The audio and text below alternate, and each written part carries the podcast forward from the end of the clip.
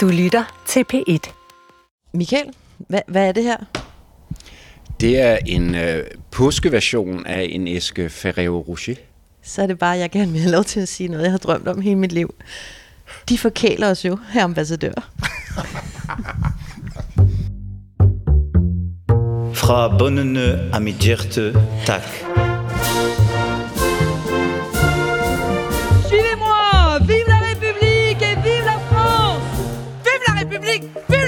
Et surtout, vive la France. Klokken 8 i morges, der åbnede Frankrigs godt 70.000 valgsteder, hvor det jo altså er flere end 48 millioner registrerede vælgere, som skal pege på en af de famøse 12 mænd og kvinder, som drømmer om at blive Frankrigs næste præsident. Velkommen til Stjerner og Stribers edition special her på den franske valgdag. Vi skal tale om, hvad der er vigtigt at holde øje med i løbet af i dag. Og i aften ikke mindst, fordi målingerne mellem Le Pen og Macron er, for nu bare at sige det på godt dansk, sygt tætte. Vi øh, nørder ned i, for nu at bruge Ole Ryborgs hadeudtryk, øh, vi nørder helt ned i, hvad det franske valg egentlig betyder for Danmark og for resten af verden. Og så skal vi også tale om det, som man øh, hjemme i Danmark jo når man er højstemt, kalder demokratiets festdag. Det er sådan noget, vores chefer siger man en valgdag. Her i Frankrig, der tyder det jo altså bare øh, på, at op mod hver tredje, tredje vælger bliver væk fra festen. Hvem får så mest ud af den lave stemmedeltagelse? Er det Macron? Er det Le Pen? Er det Mélenchon? Det opklarer vi. Og det gør vi sammen med hele bandet, som er samlet her i Paris. Ole Ryborg, EU-korrespondent og Frankrigs entusiast. Lasse Engelbrecht, udlandsjournalist og podcastens helt egen hushistoriker, Lasse Berg, tilrettelægger ekstraordinær. Mit navn det er Stephanie Suryk, jeg er korrespondent og podcastbestyrer, men, men, men, vi har jo en special guest star med i dag, eller vi er jo faktisk gæster hos ham. Vi sidder nemlig lige nu hele banden med udsigt ud over Paris. Vi sidder et stenkast fra Triumfbuen. Vi sidder lige ved siden af Champs-Élysées. Vi sidder og kigger på en påskeudgave af sådan et tårn bygget af Ferrero Rocher-chokolade. Vi sidder kort sagt på den danske ambassade sammen med ambassadør Michael Starbæk Christensen. Godmorgen Godmorgen. og god valgdag. Og velkommen til ambassaden. Tak, og tak fordi vi må øh, skyde valgdagen i gang herinde hos dig. Absolut, det er jo en festdag for demokratiet. Det er nemlig det, det er, her ambassadør. Gået i lidt skole der, kan du godt høre. Og øh, nu ved jeg ikke, om du er bekendt med Ole Ryborgs playliste, men det er jo et fænomen, der øh, er omkring sig gribende. Og jeg synes, fordi det er valgdag, så skal vi jo lige have øh, et lille stykke med øh, Bonsoir Madame. Nej, det mente jeg ikke. Det må jeg jo ikke. Vi lægger ud med øh, sangen Hvis jeg var præsident. Si j'étais président de la République, j'écrirais mes discours en vers et en musique. Den gode Ole, du sidder og Det brummer. kan noget, jamen Det det, kan er klart. Hvis jeg Det var præsident, så ville jeg lægge musik under mine taler allerede. Det ville gøre livet så meget nemmere for os. Og på ministermøderne ville jeg tage på piknik. Vi ville kun lave sjove ting, synger han. Det er jo sådan en børnesang om at være præsident. Det, jeg, spørgsmålet er, Michael, og det skal vi i gang med at snakke om. Er det lige så sjovt at være præsident i øh, Frankrig øh, i 2022, som det er i den her børnesang? Jeg tror det ikke. Comme avant. Si j'étais président.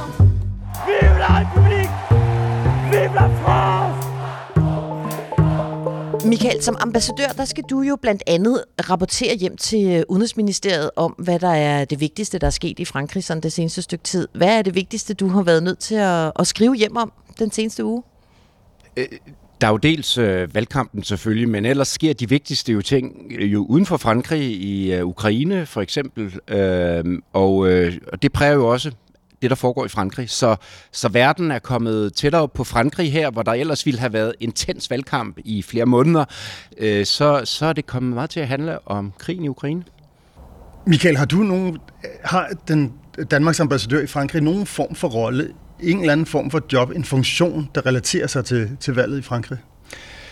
Jeg er jo ikke valgobservatør hernede. Øh, Hvis jeg havde måske været ambassadør i et andet land, kunne det godt være, at jeg var ude ved en stemmeboks lige nu for at se, om valget gik øh, ordentligt for sig, men øh, det behøver man, man heldigvis ikke her i Frankrig. Så, så egentlig har jeg en meget lille rolle, fordi det er jo parti øh, partierne og partipolitikerne, som er oppe at øh, kæmpe om, om magten nu. Øh, så, så det er lige så meget øjnene, øh, der ser, hvad der foregår, og selvfølgelig prøver at kigge lidt frem efter valget. Hvad er det så for et Frankrig, vi har med at gøre? De kredse, du bevæger dig rundt i, øh, undskyld Ole, du får lov bagefter, ikke? De kreds, du bevæger dig rundt i, hvordan snakker de om valget? Hvad er sådan tonen? Hvad går de rundt og, og, og siger til hinanden, når, når vi ikke kan høre det? Altså for, indtil for 14 dage siden, så gik de fleste rundt og tænkte, øh, vi kender udfaldet af valget. Øh, Macron vinder igen. Øh, det er nærmest et ikke-valg. Jeg vil sige, at det har ændret sig de sidste 14 dage. Hvor, hvor den gevinst, Macron havde på Ukrainekrisen, hvor man bakker op om en statsmand og sin leder, den øh, er gået øh, væk igen, øh, og det vil sige, at der er kommet mere plads til de andre kandidater. Så nu øh, er der mange, der går og snakker om, at valget er, øh, valgresultatet er usikkert. Vi, vi er jo alle sammen på udlandsredaktionen på DR, men der er nogle gange, og, og det er klart, vi kigger på, oh, hvem skal nu være den næste præsident, og hvad sker der i Frankrig osv. Men, men i virkeligheden øh, og det må du jo vide som, om nogen som, som ambassadør, så kunne det jo måske godt være, at vi skulle have haft en 3-4 mand for indlandsredaktion og sådan noget, fordi altså, hvor meget betyder det her valg for, for ting og sager, altså for, for Danmark, for dansk erhvervsliv, for alle mulige lande i Danmark, og, og også, hvad er forskellen på for os, hvem der bliver præsident? Altså. Altså, det, jeg mener, Frankrig har fået en betydning, også for Danmark, som, som øh, øh, kun er blevet en større kvæg Brexit blandt andet. Øh, vi er en partner, en allieret øh, med Frankrig. Vi er med franskmændene i Sahel, hvor vi bekæmper terror, og vi forebygger migration. Frankrig er blevet et større marked for os, og hvis vi ser på det europæiske samarbejde, så er Frankrig bare toneangivende, øh, også sammen med, med Tyskland. Øh, så for for et land som Danmark, så gælder det om at have tætte relationer øh, til, øh, til Frankrig, som altså kun har fået en større rolle øh, kvæg den måde, Europa har udviklet sig på de sidste år. Prøv at høre, dreng. Det her det skal vi tale meget mere om, men jeg vil godt lige holde fast i, hvad vi skal holde øje med i dag, sådan helt øh, spændingskurvemæssigt, inden vi virkelig tager hul på, hvad, hvad det her betyder for, øh, for Danmark og for EU. Michael, hvad synes du, der er det allervigtigste at holde øje med i dag på valgdagen? Jeg synes, der er to ting, der er allervigtigst. Det ene er valgdeltagelsen. Øh, normalt vil 80 procent af vælgerne gå ud og stemme et fransk præsidentvalg. Nu snakker man om, at det måske kun er to tredjedel, der stemmer.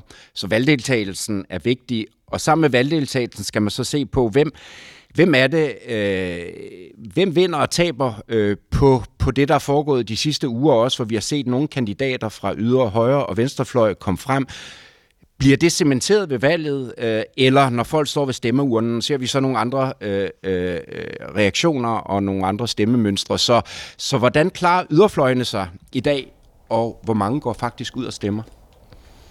Har vi en, øh, altså, har vi en, øh, en venstrefløj i Frankrig efter, efter i aften, tror du? Altså, øh, det, det er nærmest noget, der lige tyder på, at vi alle bliver kaldt til begravelse af Socialistpartiet i morgen.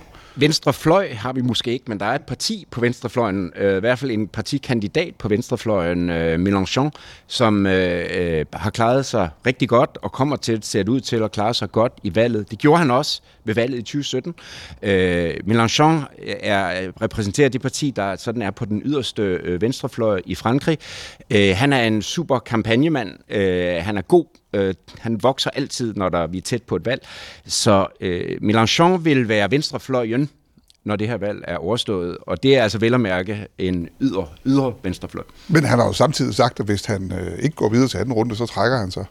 Han er jo øh, blevet en ældre herre, øh, så man kan godt forestille sig, om fem år er det ikke ham, der skal drive venstrefløjen. Øh, hvis han er væk, så, så forsvandt venstrefløjen med ham, fordi han er ligesom personen. Der og, det, og det gamle Socialistparti, som jo har haft, altså dem, som flere gange har haft øh, præsidentposten. Øh, og som nu har en kandidat, Anne Hidalgo, som ligger på cirka 2% af målingerne.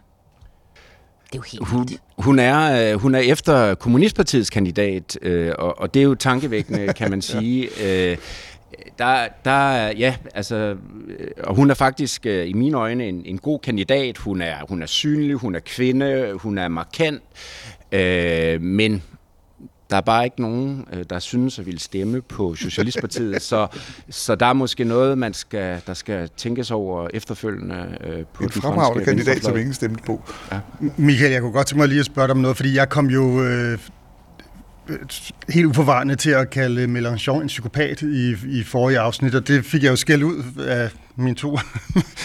jeg, var ikke, jeg, var, jeg mener ikke, at man må kalde ham psykopat, Lasse. Nej, jeg mente jo heller ikke bogstaveligt talt, men det er, det er jo alligevel noget, når en, en, en kandidat, en, en stor politiker, øh, er involveret i noget, der ligner slagsmål med politiet, og står og tæsker løs på døre og så videre. Hvad synes du egentlig om ham? Hvad, er han psykopat? Jeg er jo diplomat, så jeg bruger ikke den form for udtryk. Det er, det er jo heldigvis ikke en del af mit vokabularium. Øh, men øh, øh, nej, men, men øh, når man er øh, øh, en venstrefløjsaktivist, øh, så, så spiller man jo ikke efter den øh, bog, som andre er opdraget i politisk.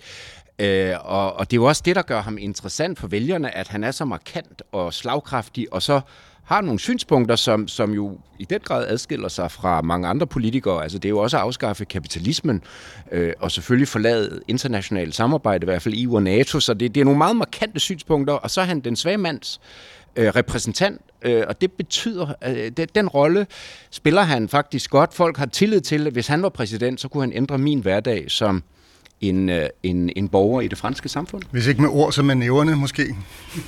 Jeg lagde mærke til, at han på sit uh, sidste vælgermøde fortalte uh, sine fans, at han havde fået lykkeønskninger fra, tror jeg, 10 sydamerikanske uh, regeringsledere. Det var han meget stolt af. Ja, de kan også godt lide at Jamen, de uddele en håndmad i. Che Guevara, Frankrig. Ja, ja. Godt, men bare lige for at opsummere, det vigtigste at holde øje med i dag på valgdagen, det er altså vælgerdeltagelse, det er selvfølgelig øh, point, var jeg ved at sige, pointfordelingen mellem Macron, Le Pen og Mélenchon, og så er det en mulig begravelse af mm. det store, fine, gamle socialistparti, og så måske også øh, de to på republikanerne, eller hvad?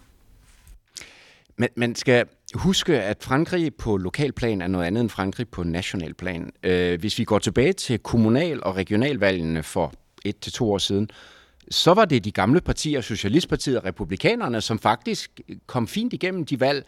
Det var ikke en imponerende stemmedeltagelse øh, ved valgene, men det var de gamle partier, folk stemte på. Det var dem, de kender ude lokalt. Øh, så partierne lever lokalt, men i Frankrig er lokalpolitik og nationalpolitik pludselig blevet adskilt ved, at når man så når man stemmer til præsidentvalg, så går man andre steder hen, end når man stemmer til øh, lokalvalg. Øh, så spørgsmålet er, om man kan lære noget af, hvorfor, når vi er så stærkt lokalt, hvordan kan vi overføre det til national plan på en bedre måde, end vi har været i stand til hidtil. Men partierne er der, men, men som nationale partier er de, øh, er de blevet øh, brudt ned, øh, men, men de har lokal forankring, så der er noget at bygge på. Men, men det kan godt være, at det, det er fundamentet. Huset skal rives ned, men fundamentet står der i det mindste. Øh, så man behøver ikke at begynde helt forfra, men, men, øh, men man kommer til at gøre noget nyt. Hvad med øh, altså, fænomenet Erik Zemmour, som jo kom bravende ind og så ud til at kunne overhale Le Pen og alt muligt andet. Er han også, øh, er det fænomen, er det også dødt til i morgen, tror du? Øh, jeg tror, han er, han er, han er en, der bliver øh, i fransk politik. Øh, han er jo kendt tv-kommentator, debattør. Øh, og, øh, og ham, han, han holder ikke op med at være debattør efter, øh, efter det her valg. Han har jo allieret sig med øh, Marine Le Pens niece, øh, Marion Maréchal, som øh, bliver en stjerne øh, i fremtidens øh, franske politik. Det føler jeg mig ret overbevist om.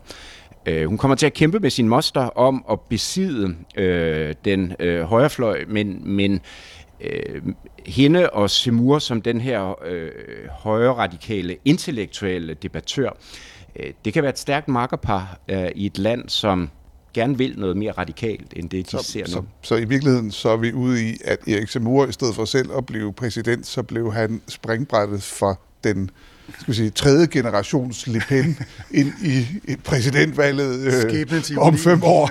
Det, det, det er jo pudsigt, fordi han taler jo ikke særlig pænt om kvinder, øh, ja. der har magt, men, men han kommer ikke udenom, at han er nu ved at bære en ny kvinde frem øh, til magten. Han har ikke, han har ikke stor sympati for Marine øh, Le Pen, øh, men det tror jeg handler om noget mere personligt egentlig, end det handler om, hvor de står politisk. Øh, så, så nu er det en anden øh, yngre Le Pen-person, han kommer til at løfte i Jeg kigger politik. på Lasse Berg og siger, du gemmer det her klip, og så mødes vi om fem år til præsidentvalg sige det. 2027, Perfekt og tjekker, om det her Bare vi var... ikke skal have sådan en top 10, eller en, hvad hedder sådan en tips. Nej, det gør vi altså ikke. Nej, det gør Men altså det er meget godt klip. I kan mødes i, hvad var det, 2042, som Zemmour øh, forudsagde, hvor vi også vil have Macron og Le Pen mod hinanden. Ja. Vive la République Vive la Jeg ved ikke med jer andre, men jeg har ikke fået morgenmad, og jeg sidder både og kigger på et, et gyldent tårn af Ferrero Rocher til højre for mig, og så det, der ligner en svulmende pose croissanter, som Lasse Berg har taget med. Er det korrekt? Ej, altså må vi ikke godt... Vi har jo lidt en tradition for at tale med mad i munden her i podcasten, så man skal ikke skamme sig. Men øh, værsgo at fange an. Du tager en Ferrero Rocher i Jeg stedet tager en? Ferrero Rocher. Jeg prøver at holde, øh, jeg prøver at holde mikrofonen, mens jeg tager en Ferrero Rocher. Ja, men så, mens du så øh, åbner, for det er jo det vigtige sådan, fordi ud over det hele. Nu Man plejer er at åbne på toppen, kan man? Ferrero Rocher overalt. Nå, prøv lige at høre. Nu har vi uvis og månedsvis talt om, hvad der er på spil for franskmændene. Og så øh, skal vi jo i dag selvfølgelig også tale om det, jeg forsøgte at, og allerede lancere lige før, hvad det her valg betyder for Danmark og for omverdenen. Men allerførst, fordi vi er jo stjerner og striber, så lad os lige også tale om, bare så vi lige giver en lille guided tur, hvordan en fransk valgdag foregår. Stephanie, valgstederne åbnede kl. 8 i morges. Øh, hvordan foregår sådan en fransk valghandling, og kan du forklare den med Ferrero Rocher i munden? Og men du er streng, du spørger. Jeg var lige ved at putte på den Ferrero Rocher i munden. Nu holder jeg, det nu kort, kommer ikke? til at smelte mine små Det er- tykke det er fingre. i- podcast timing. Jamen, det øh, foregår jo ret anderledes end i Danmark. Altså, valgstederne har åbent fra 8 til 19 i de store byer, f.eks. Paris og Marseille, til kl. 20. Øh, lavpraktisk, så er det jo et helt show, hvor man folder navnet. Med, man, har, man får ligesom alle kandidaternes navne, så kan man folde det navn, man stemmer på, ned i en lille kuvert, og så kan man gå ud og så putte den her lille kuvert ned i øh, de steder, jeg har været, er det sådan nogle hvide, eller sådan nogle gennemsigtige plastikkasser, og så står der en valgtilforordnet, og så sker det det, jeg elsker allerhøjst på en fransk valgdag. Når man så slipper kuverten, så kigger den valgtilforordnede højstemt på en og råber over hele lokalet, Ole Ryborg, aborte! Så har man stemt, og så tæller det. Og det er på en eller anden måde sådan en lyd af, af noget, øh, noget festligt og noget meget fransk, synes jeg. Så stemmeboksen er gennemsigtig? Nej, boksen er ikke gennemsigtig. Du kan ligesom godt enten stå bag sådan en... Øh, det er alt efter, hvor du Nej, er. altså det, hvor man smider stemmen ned. Selve kassen, ja, ja, men der har du foldet din lille fedtede stemme ned i en kuvert og lukket den. Så man kan kun se kuverter ned i den der kasse der. Okay, de kunne spare kuverterne, det var det, jeg ville frem til.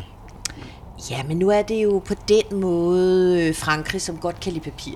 Det må man sige. Alt, alt på Bureaukrati. papir. Alt, der kan gøre det hele lidt mere indviklet, det kan vi godt lide.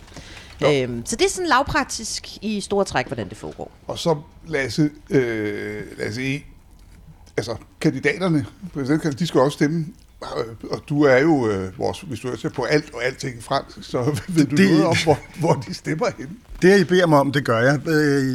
Jamen, det ved vi sådan set godt. Vi kan jo starte med Le Pen. Hun skal stemme op i Annaboument, hvor vi jo har lavet en episode fra. Det er nok nogen, der kan huske. Det er kulbjergene. Kulbjergene, og ikke mindst kulhymnerne. Smukke sange om, hvor skøn kulden er, og hvor flot mændene er, når de har kulstøv i hovedet og den slags.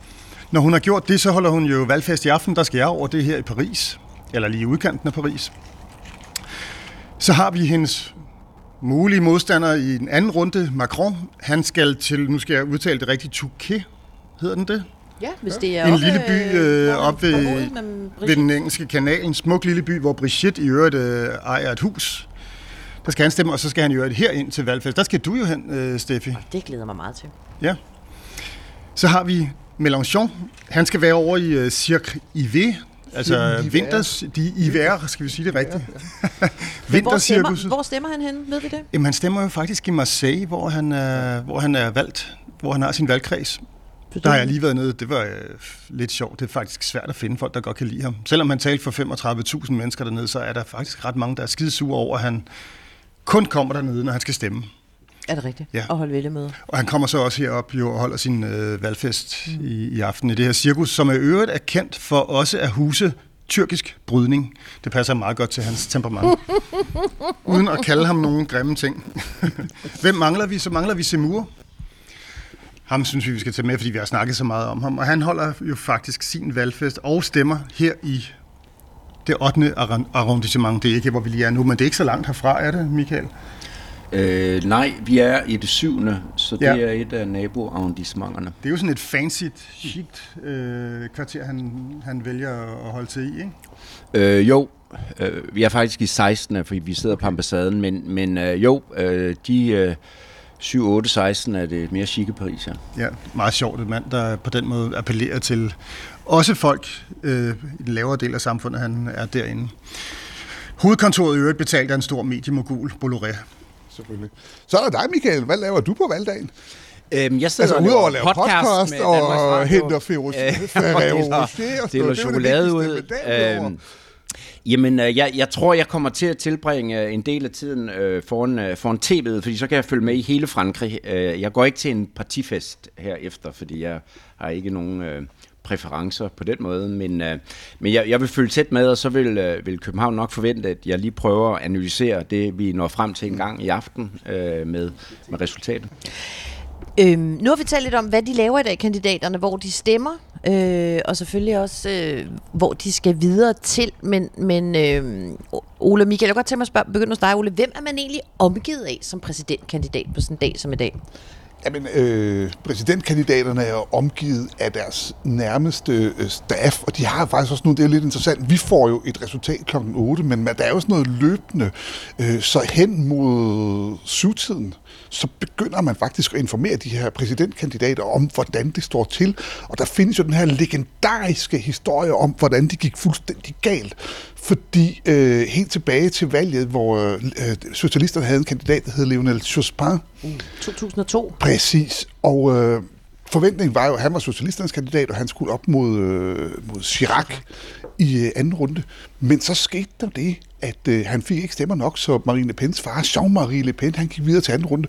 Og Jospin, da han kom hen til der, hvor valgfesten skulle være kl. 19, så havde nogle af, af hans øh, nærmeste, øh, altså øh, europaministeren Elisabeth Gigu og andre, havde fået besked om, at han ikke var gået videre til anden runde. Men ingen af dem havde lyst til at være den, der gav ham beskeden. Så først til sidst, lige inden resultatet kom kl. 20, så var der en, der fik ned så hen og sagde, du er ikke gået videre til anden runde. Og han blev så chokeret, så han bagefter øjeblikkeligt igen og meddelte, at han trak sig fra, fra fransk politik, hvilket så førte til katastrofevalg, fordi så var der ikke nogen til at lede socialisterne ved det efterfølgende valg til nationalforsamlingen. Og jeg tror, at den der, det der traume for den gang, det er sådan noget, der er i lærebogen for alle præsidentkandidater, at man er simpelthen nødt til at have nogen i sin nærhed, når man kommer til valgaften, som fortæller dig også den barske sandhed. Nej, Marine, du er ikke gået videre til anden runde, eller nej, Jean-Luc, du er ikke gået videre til anden runde, eller noget. Så, så det, det er vigtigt at have nogle, øh, nogle, nogle folk, som, som faktisk du stoler på, og som også tør at sige hele sandheden. For endnu mere nervepirrende for, øh, for rådgiverne end for kandidaten selv. Det, det, er jo ikke, det er jo altid sjovt at komme med gode nyheder end dårlige ja. nyheder. Så, øh, ja. Og Michael, apropos rådgivere, nu kigger jeg på dig. Du har jo betjent... Øh, blandt andet som direktør i Udenrigsministeriet hjemme i Danmark, i hvert fald tre udenrigsministre. Du har betjent øh, på det udenrigspolitiske område to statsministre. Sikkert meget mere. Det var bare lige, hvad jeg hurtigt kunne tælle op i går. Øh, så du må om nogen kunne svare på, hvad er en rådgivers opgave på sådan nogle aftener her? Eller dage? jeg var politisk direktør i Udenrigsministeriet dengang, men, men når man er embedsmand, så har man jo ikke en rolle ved valg. Så har man tværtimod en rolle i ikke at være øh, tæt på overhovedet. Øh, øh, det franske system er, er lidt sjovt, fordi hver minister i Frankrig, øh, og præsidenten selvfølgelig, har nogle meget store kabinetter. Men kabinetterne består ikke af politikere, som de udnævner. Det er embedsmænd, de håndplukker. Så faktisk er, er det franske apparat meget drevet af dygtige embedsmænd, øh, hvis jeg må bruge det udtryk, øh, men ikke så meget af sådan en hord af politikere, som man ville se for eksempel i det amerikanske system, hvor man håndplukker folk, der mener det samme og har en mere politisk tilgang til tingene. Så, så er det embedsværket her. Og, og det giver et lille dilemma i Frankrig, fordi de, alle de der embedsmænd, øh, mange af dem er jo så politisk orienteret, at de har lyst til at være med i en kampagne, men det må de ikke. Så de skal enten træde ud af deres embedsmandsrolle og gå ind i kampagnestaben, det er der en del, der gør, eller også skal de bare øh, lade være med at blande sig overhovedet, og de skal ikke betjene deres, øh, de politiske ministre og præsidenten i perioden op til valgene. Så, så, så når, jeg, når jeg nu kigger på, på, øh, på for eksempel Macrons øh, øh, valgfest, hvis det bliver det, så vil jeg holde øje med jer, men jeg vil jo også holde øje med, hvilke af hans embedsmænd er egentlig øh, pludselig med ved valgfesten, fordi øh, de skal egentlig ikke ses, medmindre de er gået hen og blevet en øh, kampagnestab. Ja. Og der er jo den der balance, altså det der, det der, der flytter sig. Da Michael øh, var øh, rådgiver for statsministeren, så har øh, den, den rådgiver, der har det der job, har sådan en funktion, der kaldes Sherpa.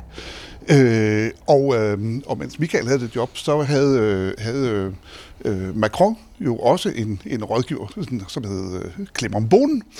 Og han er jo ja, så ham, efter... der er europaminister Præcis, i dag, ja. han er så efterfølgende, så han er jo gået fra at være rådgiveren, som var præcis det samme som Michael, mm. til at være, øh, være øh, pludselig Frankrigs europaminister, og i øvrigt løb ind i øh, billedet, da du stod og lavede øh, live-tv fra, øh, fra Macrons øh, Men- valgkamp. Så der, så der har du den der bevægelse, ikke? Der er jo et endnu bedre eksempel, og det er Macron selv, for han var embedsmand Ja, ja, det for. François Hollande. Ja, Han det var faktisk hans G7 Sherpa i det franske finansministerium, og så blev han præsident. Så, Ja. så det viser også, hvor tæt man kan være fra embedsmand. Man kan så blive præsident Og også. havde, så havde du været Sherpa i Frankrig i stedet for for Danmark, så havde du måske i dag været præsidentkandidat. Så kunne det være, at min karriere sig anderledes. Jeg noterede, at to af mine øh, kollegaer fra andre lande kom hjem og blev udenrigsminister, så jeg ringede selvfølgelig til Asiatisk Plads og sagde, hvis I mangler, hvis der er muligheder, så, så kan jeg forstå, at det er en trend, men det fik jeg at vide, jeg ikke. Det var der ikke interesse for. Okay. Nej, Ja. det, Det kan nås endnu. Du er jo. Det er vi glade for. Ellers så havde vi ikke siddet her og guffet, øh, Nej, sandt. guffet øh, Ferrero Rocher. Nå, men altså, øh, bare lige for at runde valgdagen sådan rytme af. Øh, valgresultaterne, dem får vi jo øh, kl. 20 mm. på baggrund af sådan en blanding af exit polls og stemmeoptællinger for de valgsteder, som lukker kl. 19.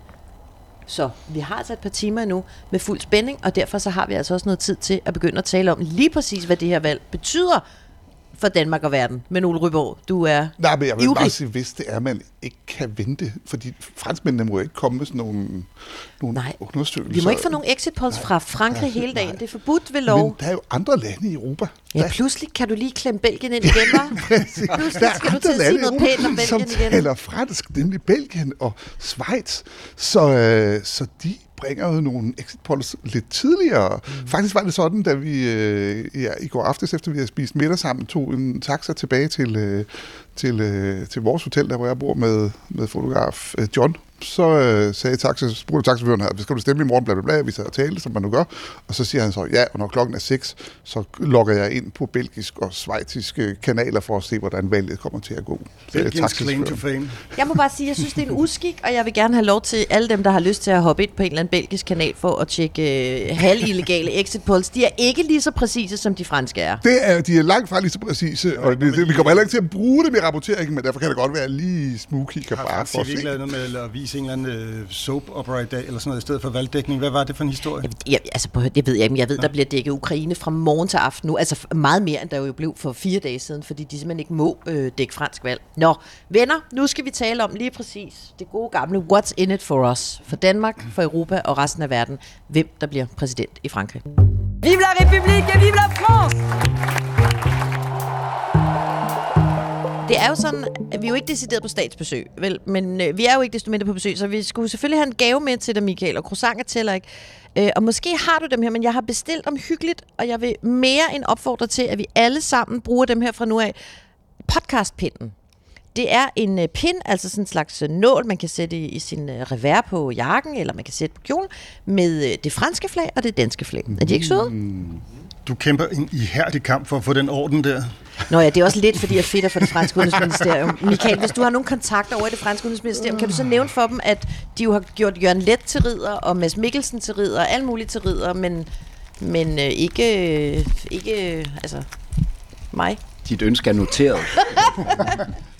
Altså, jeg har været til middag med det franske EU-formandskab, så jeg er godt betjent. Jeg er glad. Ej, jeg vil sygt gerne være ridder. Nå, men øh, i mellemtiden, så, øh, så ifører vi os nu øh, Le Podcast Pine. Lad os se, jeg kan se, at du elsker at skulle have sådan en lille øh, pin på her. Jeg kan ikke med mine små fingre få den fedtet ud af posen, men samtidig med at jeg holder mikrofonen jo. Lasse Bav, du ligner en million med, med pin på.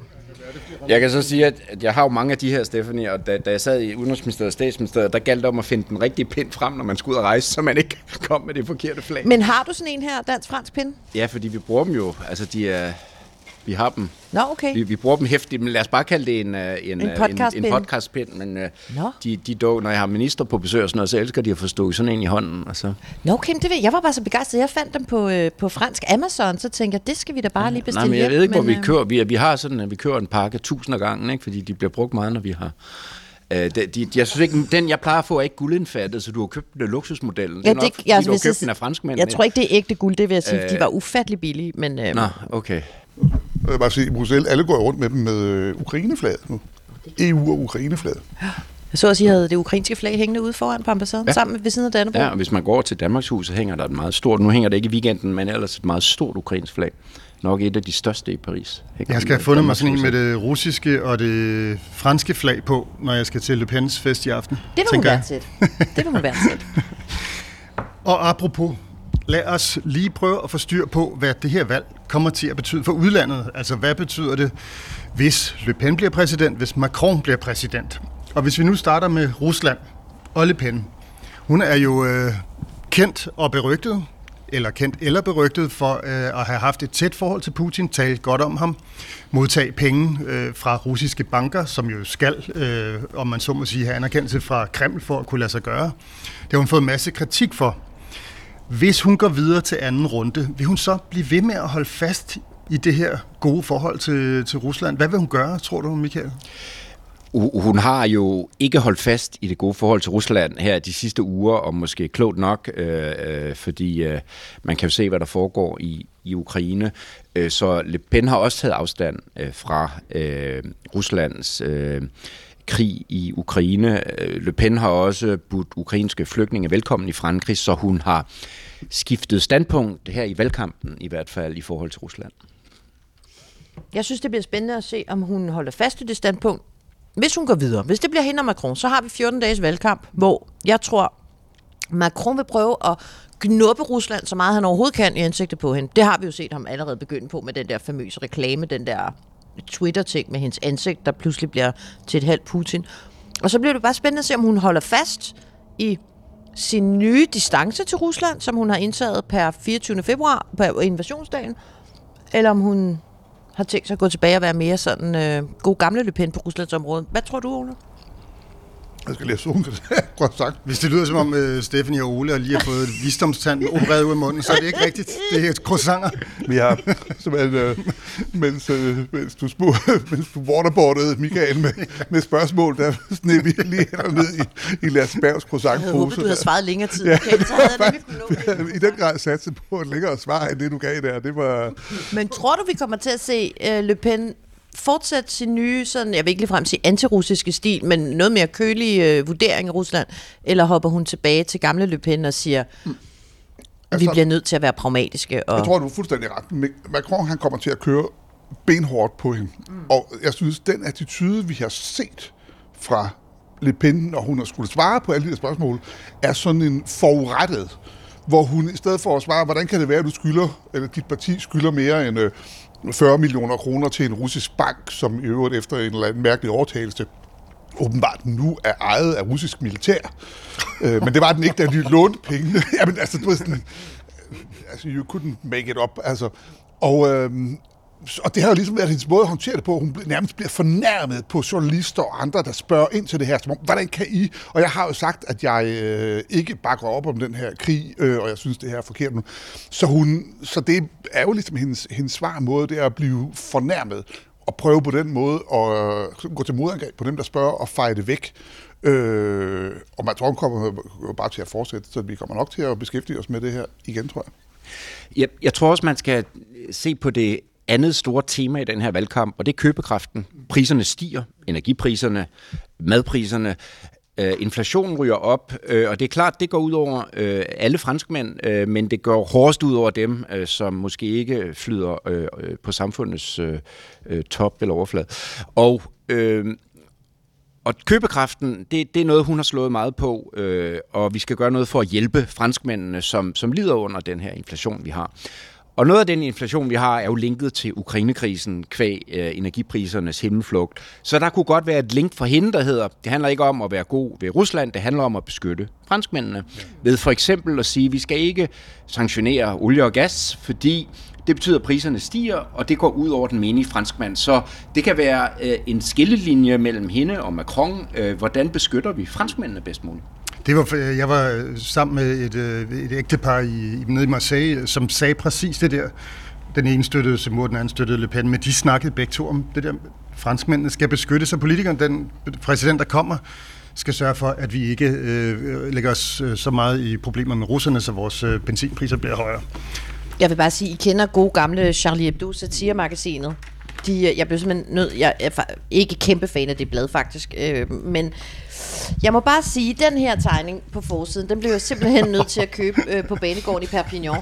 Der står øh, Elysée 2022, så ser vi Putin stå nede i hjørnet og betjene et øh, panel af en art. Det kan man så se at et øh, panel, der styrer en drone. Så er der et meget stort, svævende Marine Le Pen hoved, fyldt med sådan nogle øh, dronearme. Altså hun svæver rundt, og så står der nedenunder Ole. Le drone de Putin peut-il gagner? Altså- kan Putins drone vinde?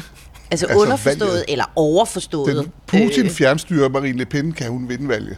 det er rimelig hæftigt, Det er- sager, det er en forside. Den De har i hvert fald ikke tænkt sig at lægge skal jeg have den der med hjem til kontorvæggen derhjemme. Ja, det er, det er vilde sager. Nå, men det er jo ikke det eneste, der er vildt. Det var et lidt dårligt overlæg, ikke? Nej, det var super godt. Forholdet til USA, øh, Øh, det har jo selvfølgelig længe knirket mellem Frankrig og, eller EU og, og amerikanerne, særligt under Trump. Hvordan vil forholdet til USA se ud under henholdsvis Macron, øh, og måske mest vigtigt under en Le Pen-præsident? Det tror jeg er svært egentlig at sige, fordi jeg tror ikke, øh, Le Pen er anti-amerikansk på nogen måde. Altså, det er Macron heller ikke. Altså, nogle gange bliver retorikken lidt mod USA for at styrke den europæiske retorik, men, men i bund og grund er der faktisk meget tæt øh, forhold mellem USA øh, og Frankrig.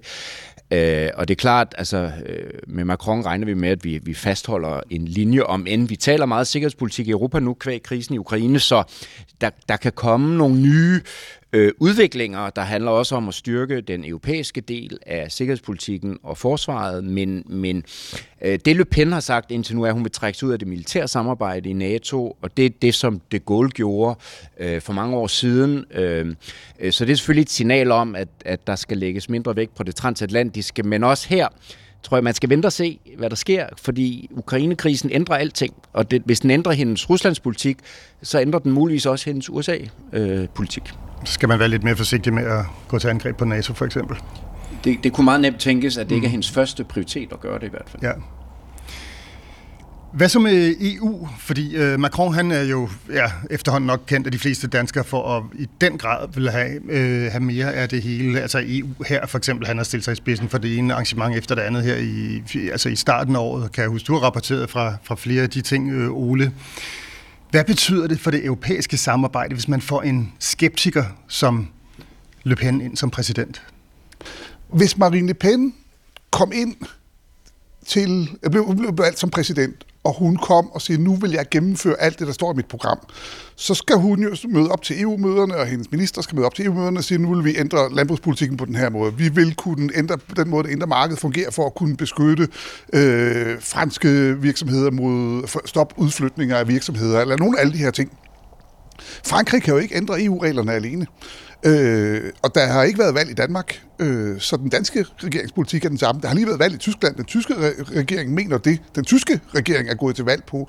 Så hun vil jo løbe panden mod en mur og sige, der er rigtig mange ting, som du gerne vil have ændret.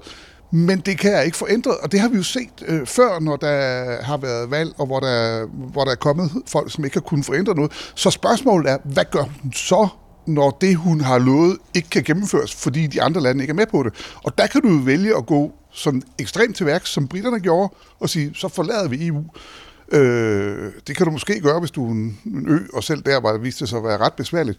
Men jo rimeligt altså besværligt for, for et land som Frankrig, som er med i en fælles mønt og alt muligt andet. Så umiddelbart, så har jeg sådan en lille smule at sige, altså der selvfølgelig kan jeg se områder, hvor, der vil, hvor det vil have en effekt, men jeg tror i virkeligheden, hun vil ret hurtigt komme ind i en realpolitik, som vil vise sig at være noget mere øh, kompliceret, end, øh, end hvad man tror. Hvad, hvad siger du, Michael?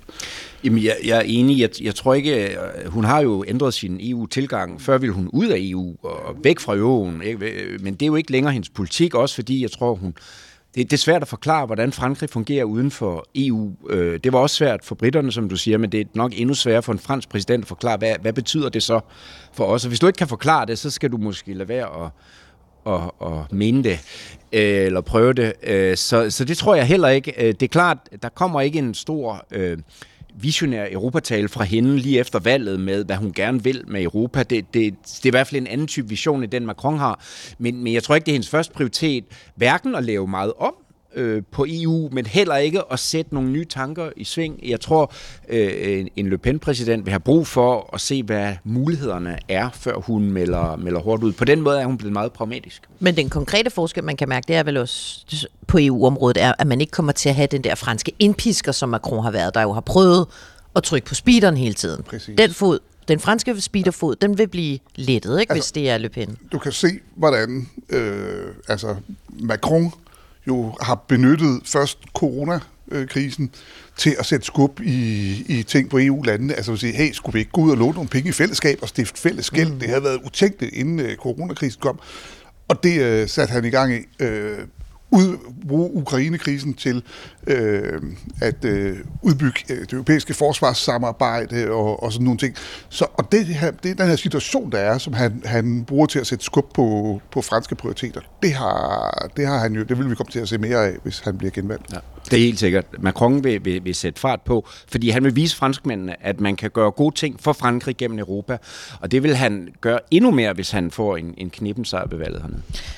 Vi, øh, Michael, øh, inden vi skal øh, tordne videre alle sammen for at følge med i den her valgdag, så, så kunne jeg godt tænke mig, at vi også lige runder forholdet mellem Danmark og Frankrig. Det famøse bilaterale forhold. Længe leve den nye podcastnål. Øh, altså Macron og hans stab, de har jo virkelig kigget mod nord de seneste fem år. Macron har også kigget mod nord, inden han blev præsident. Øh, det er ret tydeligt på blandt andet arbejdsmarkedspolitikken øh, til dels på energiområdet.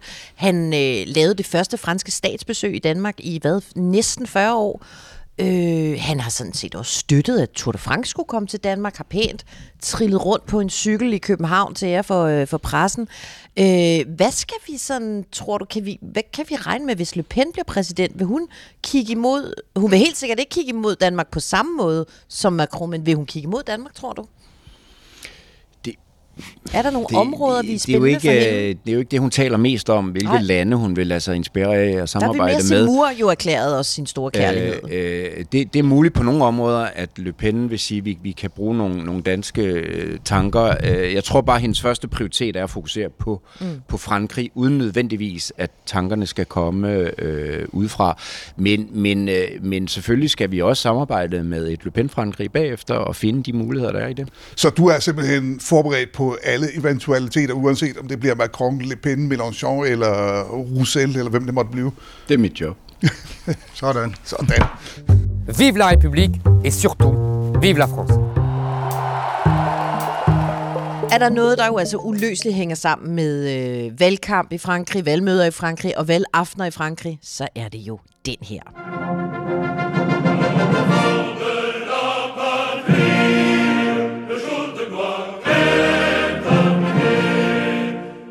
Marseillaisen her afsunget af franske uniformerede soldater, nemlig den republikanske gardes mandskor. Og den her franske nationalsang, den dukker jo øh, op overalt i valgkampen, i alle politiske lejre. Vi har øh, for eksempel hørt den hos øh, Le Pen, vi har hørt den hos Macron, vi har hørt den øh, hos øh, Mélenchon, hvor de jo glade og gerne afsynger den i kor.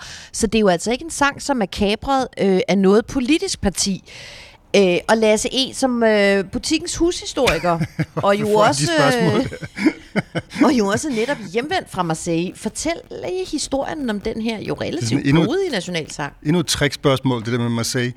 Den er jo øh, skrevet i 1792, og det her det hænger sammen med valget. Mel- natten mellem den 24.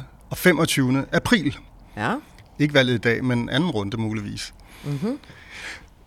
Den skrev en relativt ukendt ingeniør, men den blev skrevet faktisk, fordi at østrigerne var blevet skide trætte af revolutionære tanker og bevægelser og det ene og det andet. Revolutionen kan vi nok kalde det i Frankrig. Og erklærede krig mod franskmændene. Så havde de brug for en god sang til det. Grunden til, at øh, altså den måde, den hænger sammen med Marseille på, det er jo faktisk, fordi den først for alvor blev kendt i Frankrig, da republikanske soldater marcherede ind i Paris noget senere og sang den her sang. Det har været et vildt skue, ikke? De der mennesker kom spacerende, eller marcherende ind i, i Frankrig. Men det vil sige, den er altså skrevet, hvad sagde du, 92, tre år efter den franske revolution, Ja, og blev først berømt for alvor, da soldater marcherede ind i Paris. ja. Altså, det, det var simpelthen, altså, den fik sit navn derfra, fordi øh, de her, da de der soldater kom ind og sang den her fantastiske sang, så spurgte folk, hvor kommer de fra? De kommer fra Marseille, og så var det jo ligesom, ah, så var det så Le, La, øh, Le Marseillaise. Men sagen er jo den, at Roger Lille, manden, som skrev den her sang, han sad faktisk og skrev den om natten på en kaserne i Paris, i, i Strasbourg.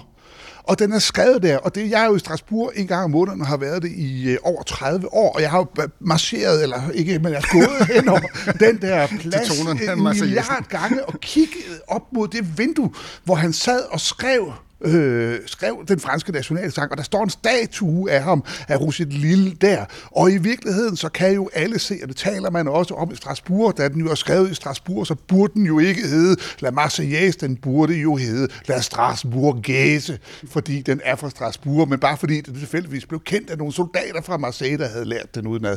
Men øh, den er skrevet i øh, Strasbourg, øh, sådan er det. Meget vildt at sidde og skrive en sang, der bliver så, øh, så stor. Bare lige der mellem natten mellem den 24. og den 25. Det var det, jeg lavede der. Jeg har øh, selvfølgelig gravet lidt i, hvad vores øh, kandidaters øh, forhold til Marseillaisen er, og sjovt nok, så erklærer de jo alle sammen, de elsker den. Det er nærmest deres foretrukne franske sang. Men så... Øh, så uddyber Marine Le Pen lidt.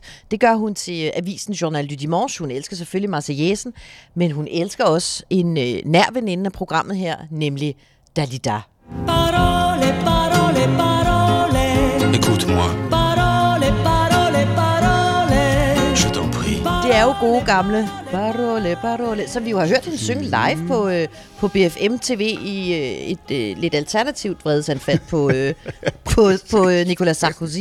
Nå, og Macron fortæller i øh, udsendelsen Punchline, at øh, han selvfølgelig er vild med Marseillaisen, men han er også vild med, og det er bare her, jeg må sige, det er kreds det her. You are the one for me, for me, for me formidable. Han er vild med Asnavour, og han er vild med Johnny. Det er gode sager. Det er jo som om de to præsidentkandidater, de har kigget en lille smule ned i Ole Ryborgs playliste.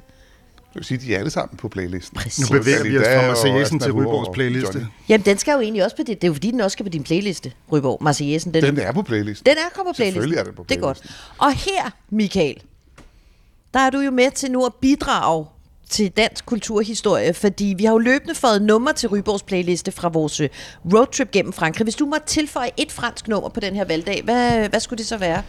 Jeg- tror, jeg deler Oles øh, nostalgiske øh, sympati for den franske kulturarv her, øh, patrimoinen i Frankrig, Mhm, fordi øh, øh, øh, jeg holder også meget af de gamle slager, og nu vil jeg ikke øh, tage Asnavour, for ham tænker jeg nok, han var Han er taget, på han side. Han er jo der mener, men, men det er jo, det ligge.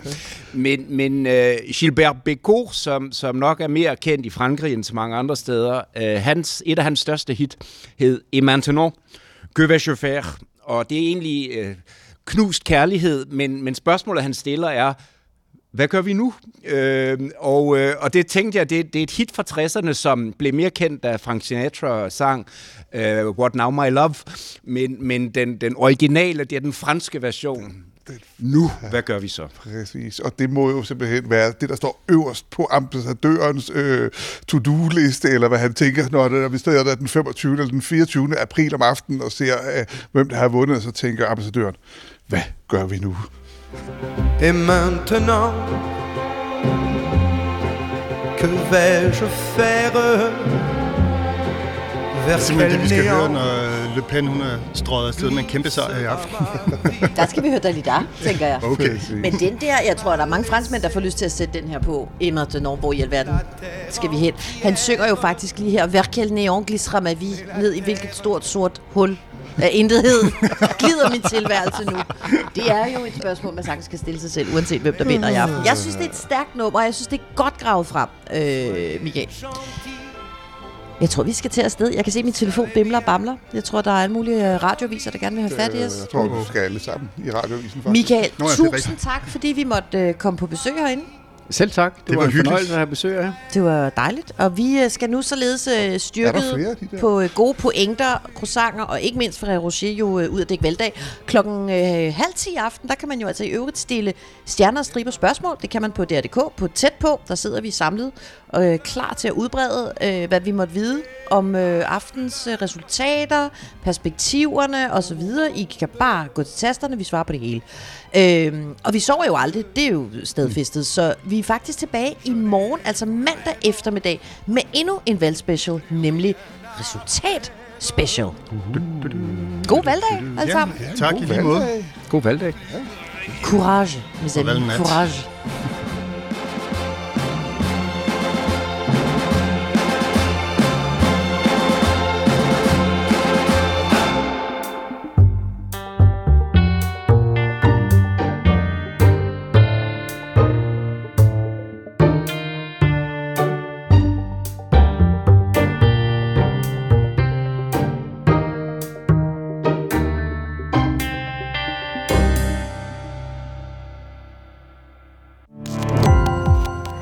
Gå på opdagelse i alle DR's podcast og radioprogrammer. I appen DR Lyd.